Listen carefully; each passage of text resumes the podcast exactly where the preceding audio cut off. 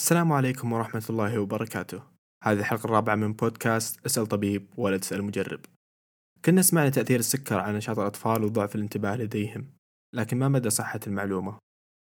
أنا محمد البواردي طالب طب وهذا بودكاست أسأل طبيب ولا تسأل مجرب. في عام 1973 الطبيب بنجامين فينغولد نشر دراسته المسمية بحمية فينغولد التي تنص على حمية خالية من أحماض السليسيلية ألوان الطعام والنكهات الصناعية لعلاج زيادة النشاط بالأطفال.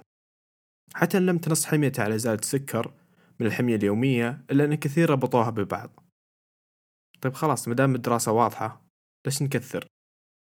ليس بهالسهولة فبعد انتشار حمية فينغولد كثير من الأبحاث تناولت تأثير السكر على تصرفات الأطفال.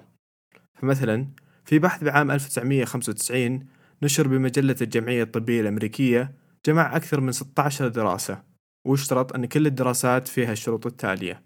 ألف جرعة محددة من السكر أعطيت. باء جرعات السكر أعطيت للنصف وجرعات وهمية أعطيت للنصف الآخر.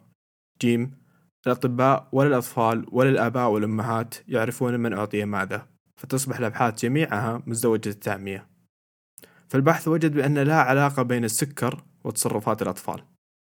الملخص زيادة السكر لها أخطار عديدة وموثقة بالأبحاث مثل ارتفاع معدل الإصابات بأمراض القلب، السمنة، زيادة معدل الإصابة بالسكري، وحتى زيادة معدل الإصابات بالسرطانات، لكن زيادة النشاط لدى الأطفال ليست واحدة منهم.